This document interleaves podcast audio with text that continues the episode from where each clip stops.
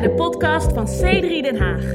Een kerk die mensen wil bereiken, bouwen en bekrachtigen met een boodschap van geloof, hoop en liefde. We hopen dat deze podcast je verfrist en inspireert.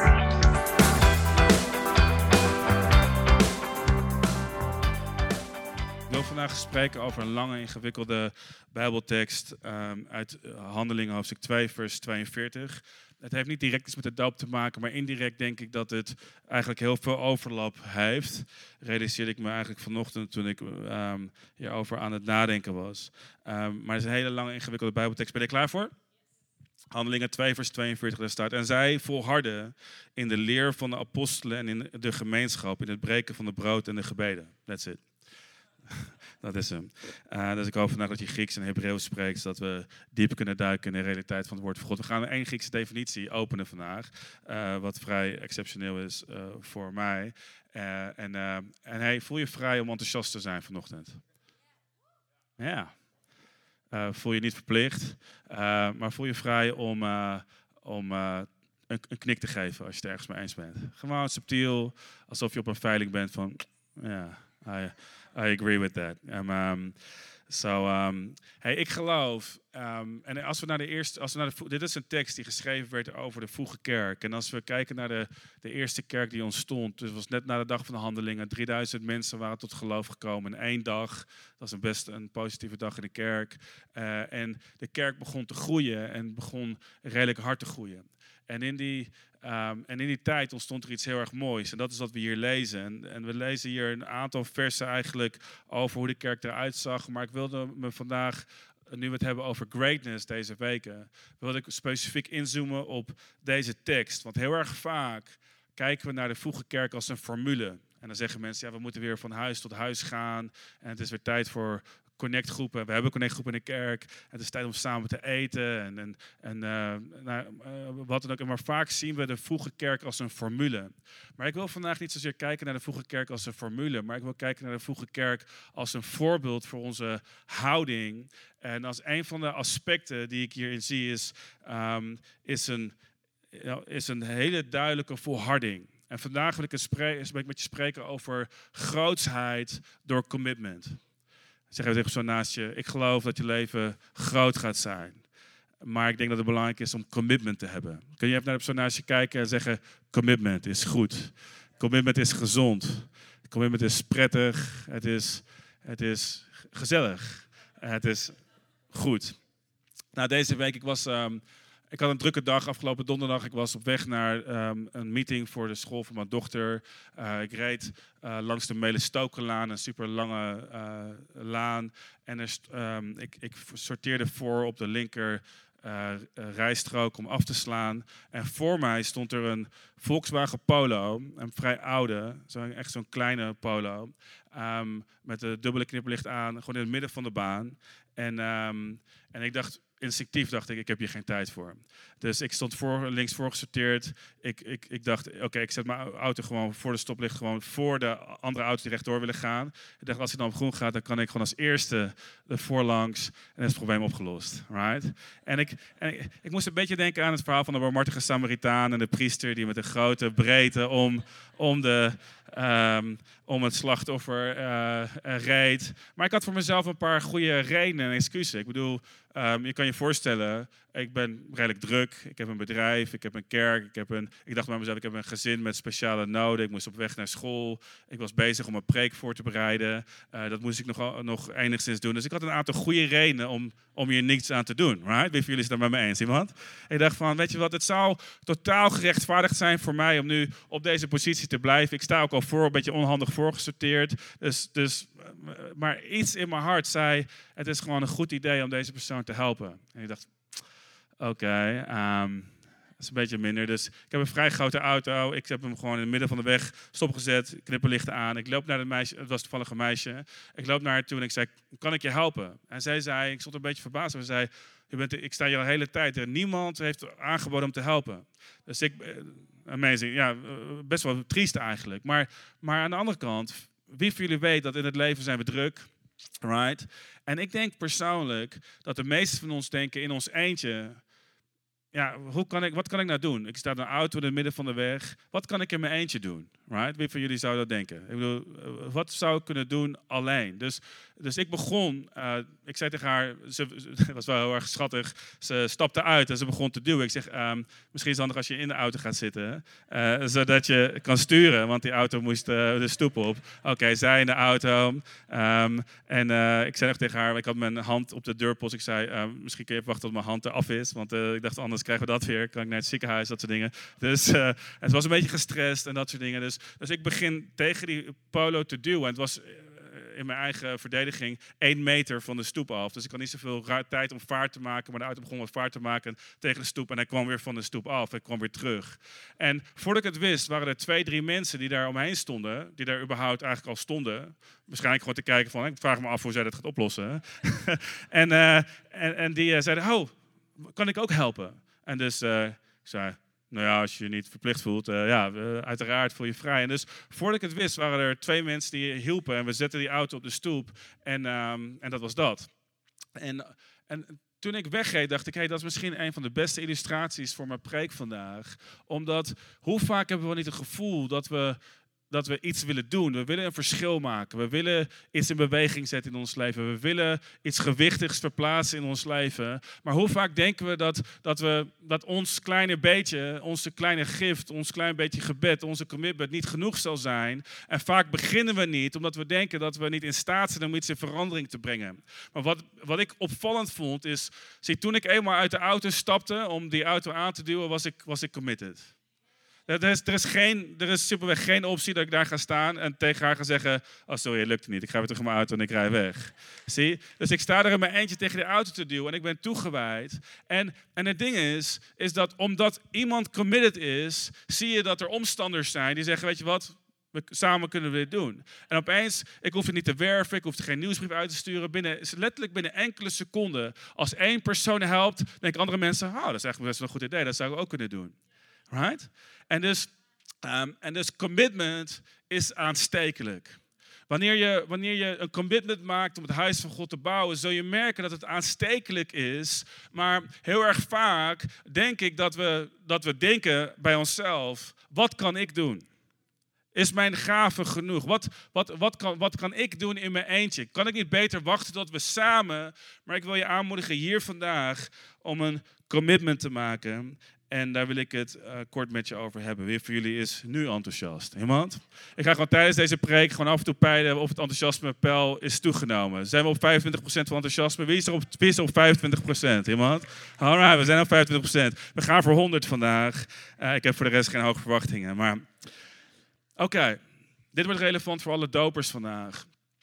De meeste significante commitments in ons leven, de meest belangrijke commitments in ons leven, zullen niet altijd natuurlijk aanvoelen.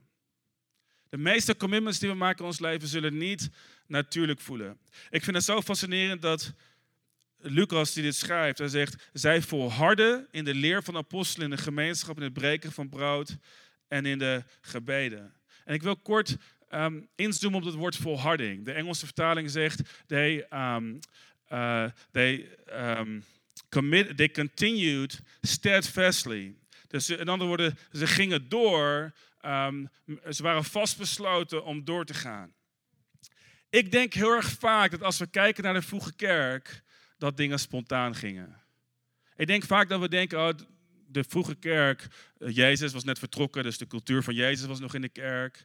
Ehm, de Heilige Geest was net gekomen op de dag van Pinksteren, dus dit was het werk van God. En soms bidden we op een manier dat we, dat we, we bidden over de kerk op een manier dat we denken dat God nog steeds moet komen. Alsof de dag van Pinksteren nog, nog niet is geweest. En we vragen aan God om te bewegen. En heel vaak denken we dat het dat het voor al deze gelovigen gemakkelijk was en goed voelde. Wie van jullie, laten we heel eerlijk zijn, heeft soms dat gevoel dat je denkt van, oh, de vroege kerk had het makkelijker. Iemand? Dat je denkt van, ah, tuurlijk, weet je wel, dit, was, dit, dit, werd opgeschreven in de Bijbel. Tuurlijk moesten ze zich gedragen. Uh, tuurlijk moesten ze liefdevol zijn onder elkaar. En we denken vaak, oh, dit ging heel organisch en heel erg spontaan. Maar ik vind het woord volharding fascinerend, omdat ik leer dat zelfs in een vroege kerk was er volharding nodig. Zelfs in een vroege kerk moesten ze, moesten ze soms op een, op een tandvlees bijten en moesten ze soms doorgaan. Want er staat me niet dat ze allemaal genoten van de onderlinge eenheid. Nee, wat er staat is, zij volharden in gemeenschap. Zij volharden in gebed. Zij volharden in, een, ehm, in de leer van de apostelen. Zo, vol, zo volharden in het breken van het brood. En dus het feit dat er staat dat ze volharden, betekent dat ze iets deden wat misschien niet zozeer natuurlijk aanvoelde. En laat me dit zeggen: volharding is tegennatuurlijk voor ieder persoon. Want ik weet, ik weet hoe mensen elkaar zitten. Um, er zitten hier mensen die denken: ja, ik ben een creatief persoon. En je denkt, het woord volharding is niet zozeer een woord in mijn vocabulaireboek. En dus dit is even een onderwerp, ik, ik commitment, ik, ik, ik ga eventjes uit hiervan. Omdat je denkt dat dit zijn woorden die niet van jou van toepassing zijn. Omdat je denkt dat dit zijn simpelweg dingen die lastig zijn. Right? Sommige mensen kunnen zich hier ongetwijfeld mee identificeren. Als je een muziekinstrument speelt, of als je op de een of andere manier creatief, um, een creatief iets doet of iets dergelijks. Je denkt vaak, oké, volharding is voor, is voor de degene die met de andere hersenhelft werken. Je weet waarschijnlijk niet eens welke hersenhelft, want je doet dingen op intuïtie. En, en ik identificeer me daar ook wel mee, persoonlijk. Want ik ben iemand die meer intuïtief werkt dan, dan dat ik allemaal alles van tevoren heb uitgedokterd. En dus als je denkt aan volharding, denk je, ja, nee, dit is iets wat, wat God doet. Um, maar laat me je dit zeggen, zoals ik net al zei, de meeste belangrijke commitments zullen onnatuurlijk aanvoelen. En het, en, het, en, en het feit dat Lucas schrijft dat ze volharden, betekent dat er een verleiding moest zijn geweest om op te geven. Want waarom zou je spreken over volharding als er geen reden is om te stoppen? Waarom zou je spreken over, over volharding als het gemakkelijk is? Waarom zou je spreken over volharding als het natuurlijk is? Nee, nee, je volhardt in datgene wat je belangrijk vindt, maar wat niet makkelijk is. Er is een grote tegenstand tegen die dingen die ons groot maken als christenen. En die ons groot maken als kerk. Kom op, wie van jullie kan ik daarmee bemoedigen? Iemand? De meeste dingen die je wilt doen, die goed zijn, daar zal een tegenstand tegen zijn. En dit is een van de redenen waarom op het moment dat je zegt, ik laat me dopen, is waarom het soms voelt alsof alle hel losbreekt. En je denkt, is dit wel de juiste beslissing? Had dit niet natuurlijker moeten aanvoelen?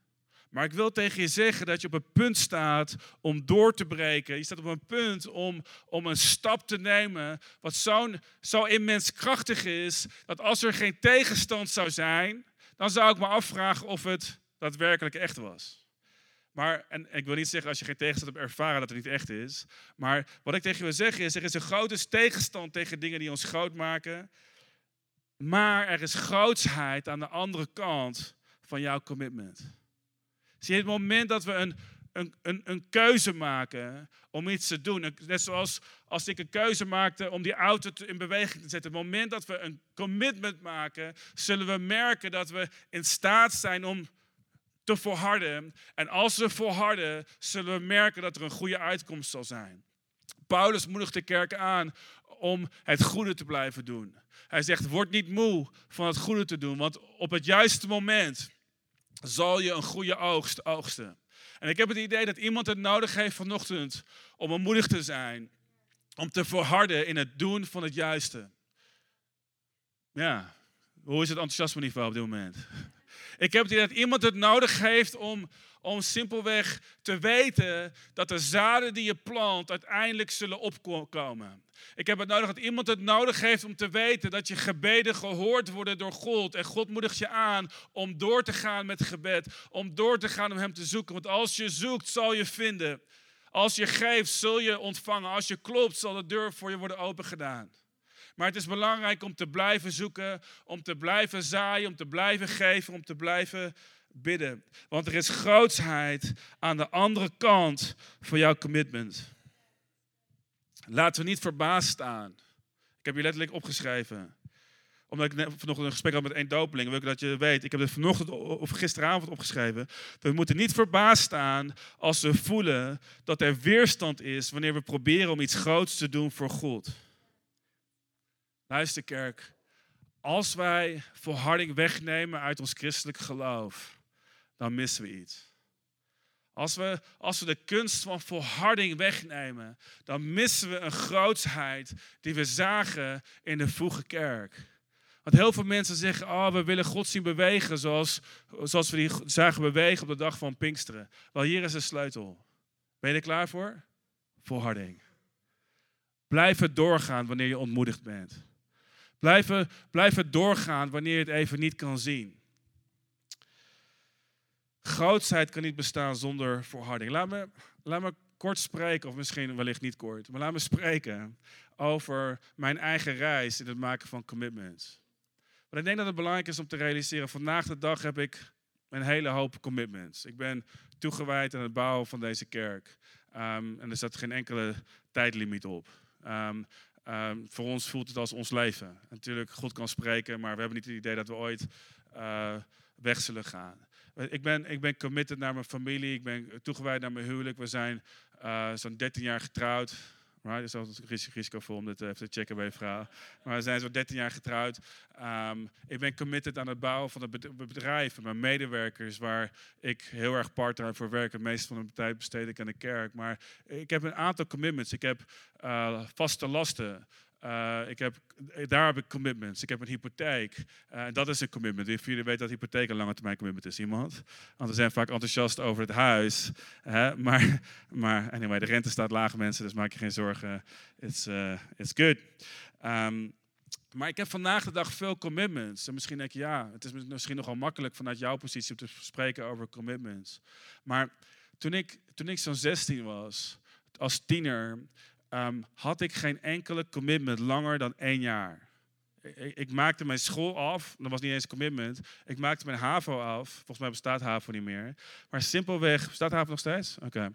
Maar ik maakte, wow, amazing, dat is nog wat waard op papier. Uh, maar ik maakte mijn HAVO af omdat het verplicht was, omdat ik een leerplicht had. Maar ik kon niet zien daarna. Dus ik, uh, ik begon een beetje eh, te leven met God. Ik had God gevonden rond mijn 17e, 18e. Dat was een proces. Dus ik had een commitment om God te volgen. Maar voor de rest had ik geen enkele commitment. Ik, had, uh, ik begon met studeren, journalistiek. Uh, iets Um, wat ik deed omdat ik niet wist wat ik wilde doen. Mijn broer had een half jaar journalistiek gestudeerd. Dus ik dacht, laat ik in zijn voetsporen treden. En ik kwam net op het moment, vlak voor februari, ik weet niet of dat nog steeds zo is, maar waar je je studie kan opzeggen zonder dat, het, dat je een schuld krijgt. Is dat nog steeds zo? Dus, um, en dus, dus, ik denk zo'n twee dagen voor de deadline had ik mijn studie opgezegd. Ik had er zelf nog een bijbeltekst bij.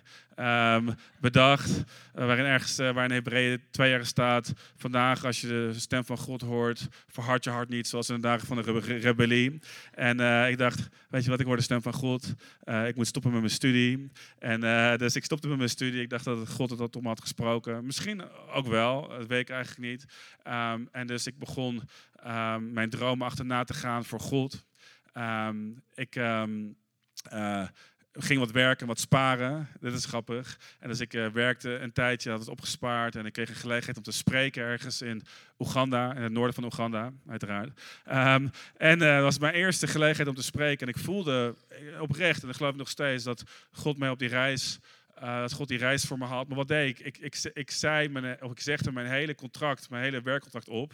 Om drie weken te gaan spreken. Wie van jullie vindt dat slim, iemand? Dus ik, dus ik, en dus ik kwam terug en ik had geen idee wat ik wilde doen. Ik misschien ga ik bijbelschool doen, misschien ga ik iets anders doen. Maar ik wist, ik had een droom om God te volgen. Um, ik had geen kerk, tenminste, ik ging een tijd naar C3 toe. Um, maar toen ik tot geloof kwam, ik had, was redelijk beschadigd in de kerken waar ik in opgegroeid was. Ik kwam tot geloof en ik dacht op een gegeven moment, hey, misschien is het goed om weer naar een kerk te gaan. Ik probeerde een paar van die oude kerken uit en ik, ik merkte dat het niet helemaal werkt. Ik ben daar overigens wel gedoopt, waar ik heel dankbaar voor ben. Um, op een gegeven moment kwam ik uh, in contact met uh, Connect Groep, eigenlijk dat is de broer van Nico die hier achter het uh, licht zit, met Henk Jan die uh, een kleine connectgroep had gevonden in Amsterdam. En ik woon in Arnhem. En hij zei, kom eens een keer mee. Dit is een Australische kerk, is een beetje anders. En uh, ik dacht, nou ja, weet je wat, eh, ik heb toch geen kerk, ik heb toch niks te doen op zondagochtend, dus laat ik een keer meegaan. Dus ik ging mee. En ik was eigenlijk redelijk onder de indruk en ik voelde me redelijk geïnspireerd. Dus voor zo'n twee jaar ging ik regelmatig, niet iedere zondag, maar vrijwel iedere zondag vanuit Arnhem naar Amsterdam naar de kerk. Wat al een beetje weird is uh, voor iemand zonder commitment. Uh, maar ik had helemaal geen commitment. En ik ben nog op één dag, dit is hilarisch, uh, onze kerk is gesticht. Onze kerkbeweging van meer dan 500 kerken wereldwijd is gesticht door pastors Phil en Chris Springle. En op een dag werd er aangekondigd, Chris Pringle, Pastor Chris, gaat voor de allereerste keer komen naar Nederland, naar Amsterdam. En er werd heel veel, iedereen was zo enthousiast erover. Iedereen dacht van, wauw, Chris Sprinkle is gaat komen en it's gonna be amazing. En het werd helemaal opgehyped en iedere zondag werd een mededeling gedaan. Dus ik met mijn rebelse houding, sommige van jullie zullen het misschien wel herkennen. Ik zei, weet je wat, het gaat niet om mensen, het gaat om God. Dus ik, ik kwam uit principe niet die dag naar de kerk op, zon, op zondag. Dat is niet amazing. En dus ooit op een dag zal Chris Pringle hier in de kerk komen. En dan zal ik dat uh, op de een of andere manier uh, uh, gaan verwerken in mijn aankondiging. Maar, maar dus ik dacht, ik kom gewoon niet. Gewoon, weet je wel. En ik was zo, ik was niet, ik was niet toegewijd. Um, ik, gaf, zeg maar, ik gaf mijn tiende volgens mij zelfs aan kerk, maar er was iets kritisch in mezelf. En ik zat in de kerk, maar, maar toch was ik aan het zeuren over de kerk. Ik had soms letterlijk buikpijn over de staat waarin de kerk zich in bevond in Nederland. Ik was zo'n zo'n jongen, oké? Ik was idealistisch en ik zag iets voor me. Op een gegeven moment ging ik naar mijn, uh, mijn voorganger toe. Mijn pastor noemden we hem. Uh, zo noemen we hem ook hier. Uh, en, uh, en dus ik ging naar mijn pastor toen ik zei: Pastor, ik ben zo gefrustreerd over de kerk. Ik zei: Ik ben zo gefrustreerd over. We zingen drie nummers. Herkenbaar. en dan doen we een beetje gebed.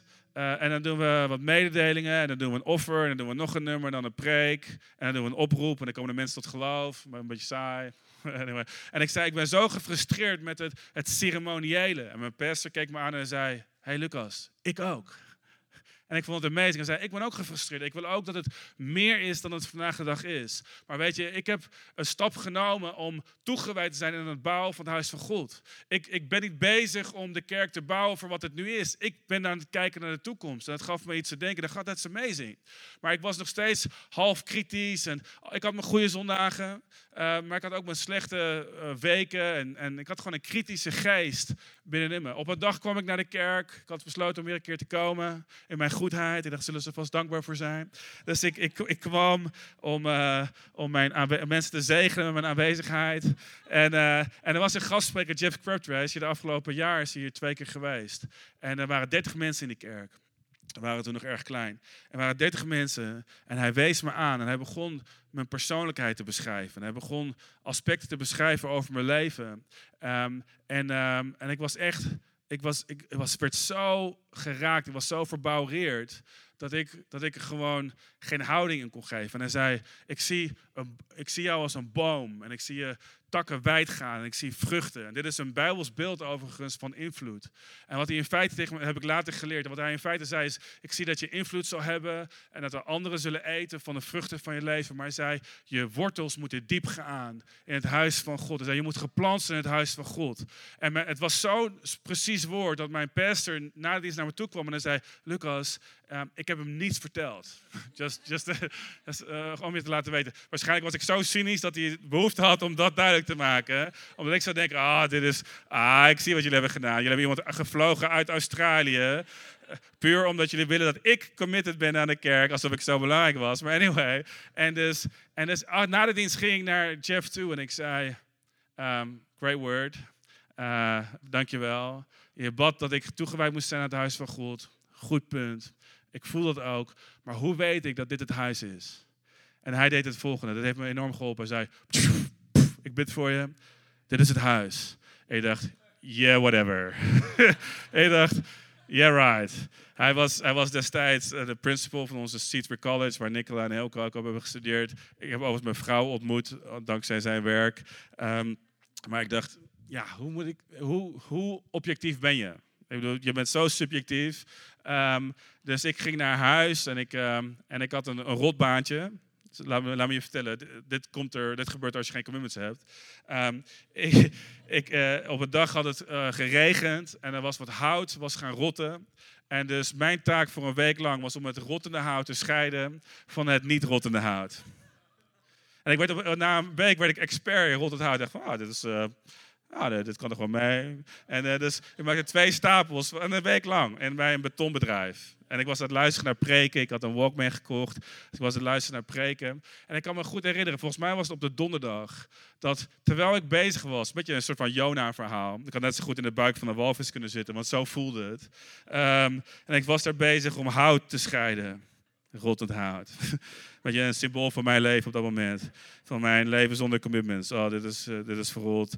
En, dit is, en ik luister naar een preek. En ik weet niet of het een preek was of wat dan ook. Maar ik kon iets zien over de toekomst van onze kerk.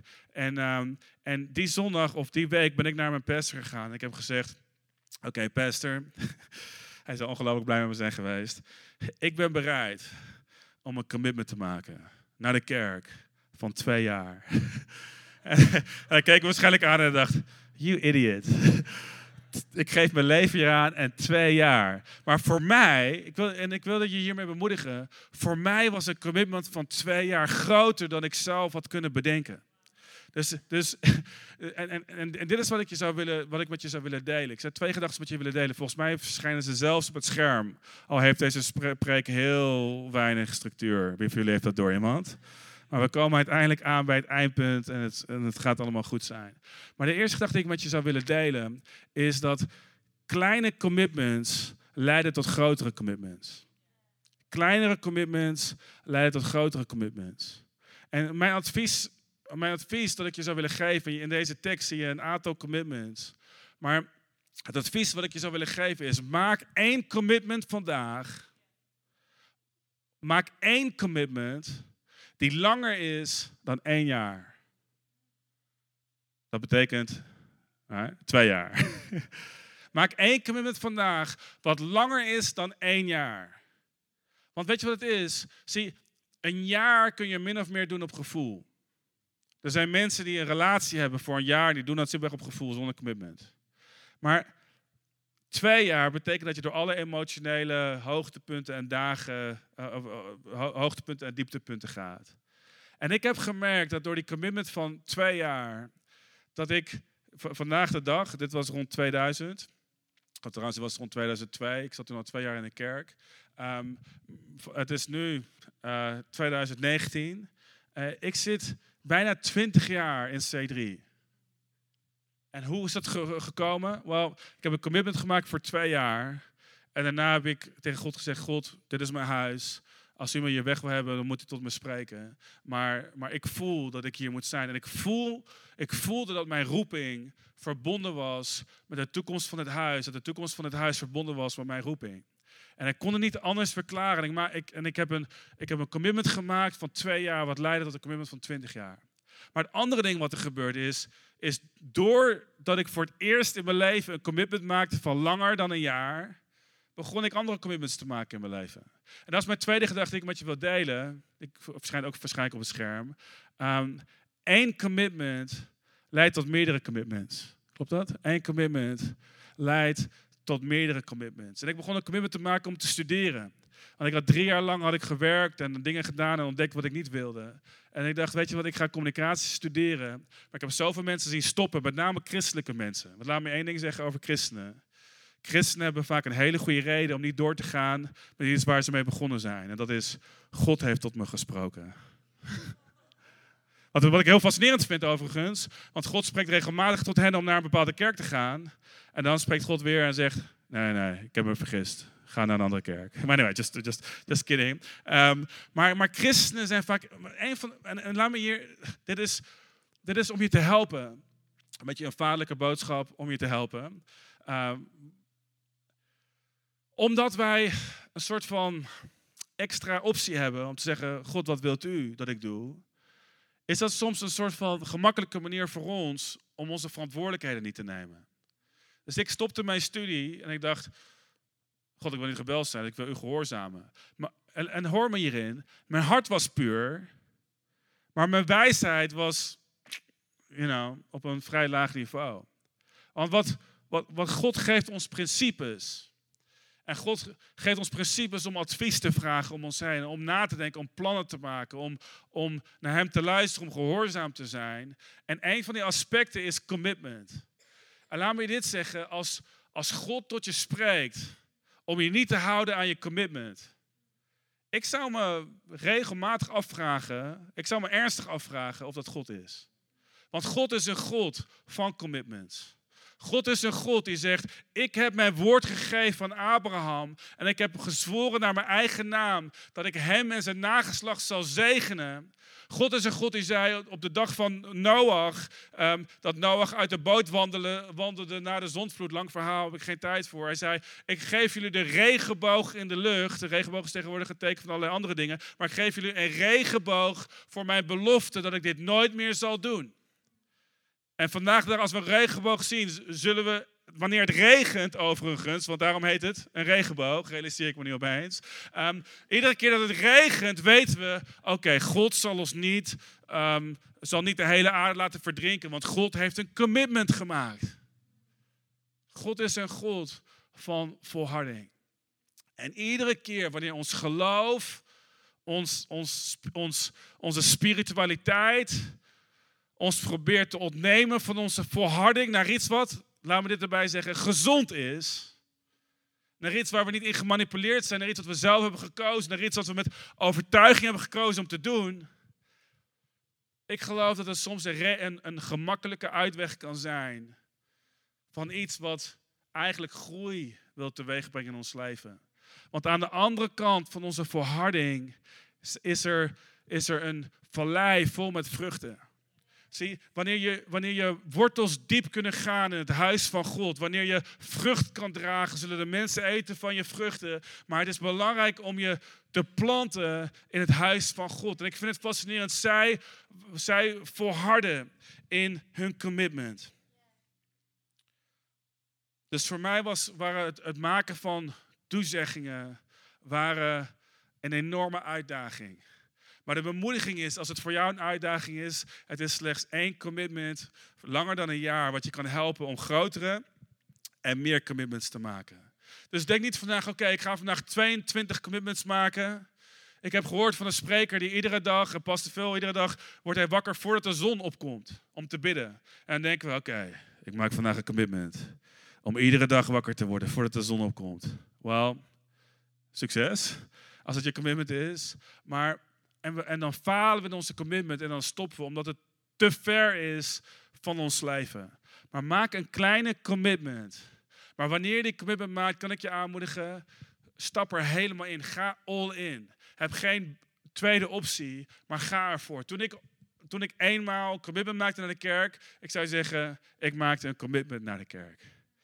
Ik, ik reisde van Arnhem naar Amsterdam om te vertalen in de trein ik vertaal niet in de trein. Ik reisde in de trein om te vertalen in de kerk. Vervolgens weer terug te gaan. Of eerst bezoekers verwelkomen, alles. Terug te gaan. Een andere dienst op te bouwen. Soms te leiden, soms te spreken. Soms gewoon te doen wat er nodig was. En we waren een hele dag bezig. Ehm, en, en voor mij was het, zo, uh, was het zo gezond en zo goed. En er zijn zoveel vruchten van mijn leven die ik heb kunnen halen uit de commitment die ik heb gemaakt. Dus aan de laatste 2,5 minuut van mijn preek, terwijl ik de eerste 10% van mijn notities heb behandeld. Ik wil kort nadenken over simpelweg, ik wil het samenbrengen in dit ene ding. Is laten we een commitment maken. Ze maakte een commitment naar gemeenschap. Ze maakte een commitment naar een aantal dingen, naar het onderwijs van de apostelen. Wel, vandaag hebben wij het onderwijs van apostelen. We hebben vandaag de Bijbel. Um, ze maakte ook een, een commitment aan het onderwijs van apostelen, omdat ze een commitment maakte aan leiderschap. Laat me dit heel duidelijk zeggen. In de vroege kerk was er leiderschap. De vroege kerk was geen hippiekerk waar iedereen deed waar ze zin in hadden. Er was leiderschap. Dus als we terug willen gaan naar het principe van de vroege kerk, gaan we terug naar het principe van onderwerpen aan het onderwijs van leiders. Maar vervolgens dat ze maakten een commitment, eh, ze, ze volharden in de gemeenschap en in het breken van brood. En die twee gaan samen. Het breken van brood staat ook voor het avondmaal, maar stond er ook voor dat ze samen aten en het leven deden. Nou, het woord gemeenschap is fascinerend. Want dat woord ehm, betekent veel meer dan we denken. Ehm, en dit is heel riskant, want ik heb één minuut en de boer kan naar voren komen. En we gaan echt eindigen, dat beloof ik. Maar dat woord gemeenschap is koinonia. Mijn ouders kwamen vroeger thuis van een bijbelstudie en die heette koinonia. Dus ik heb mijn hele leven dat woord geprobeerd te ontwijken. Ik dacht, oh ja, daar komen ze weer met een koinonia. Dus ik, eh, iedereen, iedere christen die langer dan 25 jaar in de kerk heeft gezeten, zegt, oh ja, ik ken het wel, right? Ik zie mensen denken, ja, ik heb wel over gehoord over koinonia. Maar koinonia is een Grieks woord wat uh, in de Bijbel gebruikt werd voor verschillende onderwerpen. Toen, toen Paulus in 2 Korinthe 6, vers 14 uh, de vraag stelde: wat voor gemeenschap heeft het licht met duisternis? Gebruikte hij voor gemeenschap het woord koinonia. Omdat gemeenschap is, koinonia betekent iets delen samen. Hij zegt: wat, wat, deel, wat deelt het licht met duisternis? En dat is een bepaalde verbinding. Toen Paulus sprak over het geven van geld aan de armen in Jeruzalem, aan de andere kerk in Jeruzalem, um, sprak hij over het woord distributie. En het woord distributie gebruikte hij het woord koinonia, want koinonia betekent distributie. Koinonia betekent delen van elkaar. We hebben het over gemeenschap, wat veel verder gaat dan we zelf denken. Wanneer Paulus spreekt met Filemon en hij zegt... Um, mogen uw gemeenschap in het geloof zich krachtig openbaren in de kennis van al het goede wat wat, wat er nu tot betrekking is tot Jezus Christus. Dat woord gemeenschap betekent koinonia. Het betekent het delen van zijn geloof. Zie je wat koinonia betekent? Is koinonia is onderling een distributie. Het is een delen. Het is een delen van het is een geven van onszelf. Het is een, een toewijding om niet voor onszelf te leven, om, om in een community te zijn, maar met onszelf bezig te zijn. Nee, koinonia is een commitment maken naar een gemeenschap.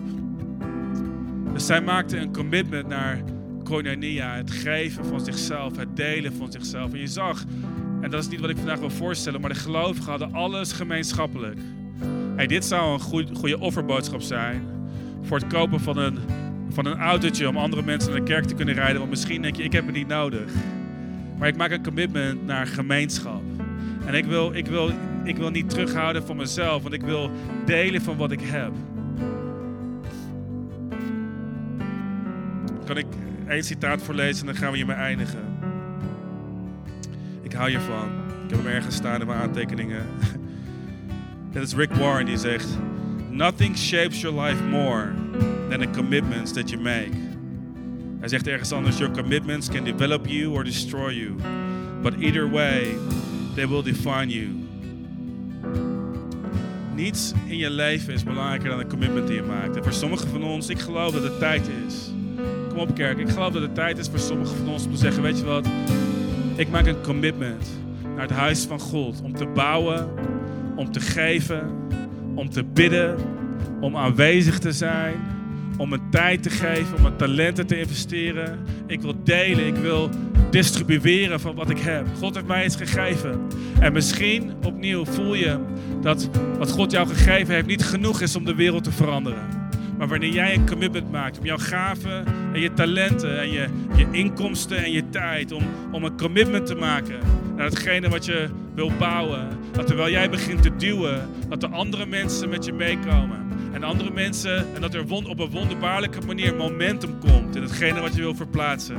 En ik denk dat dit een tijd is, kerk, voor commitment. Bedankt voor het luisteren naar deze podcast. Wil je er op zondagochtend ook een keer bij zijn? Je bent van harte welkom. Ga voor meer informatie naar c3denhaag.nl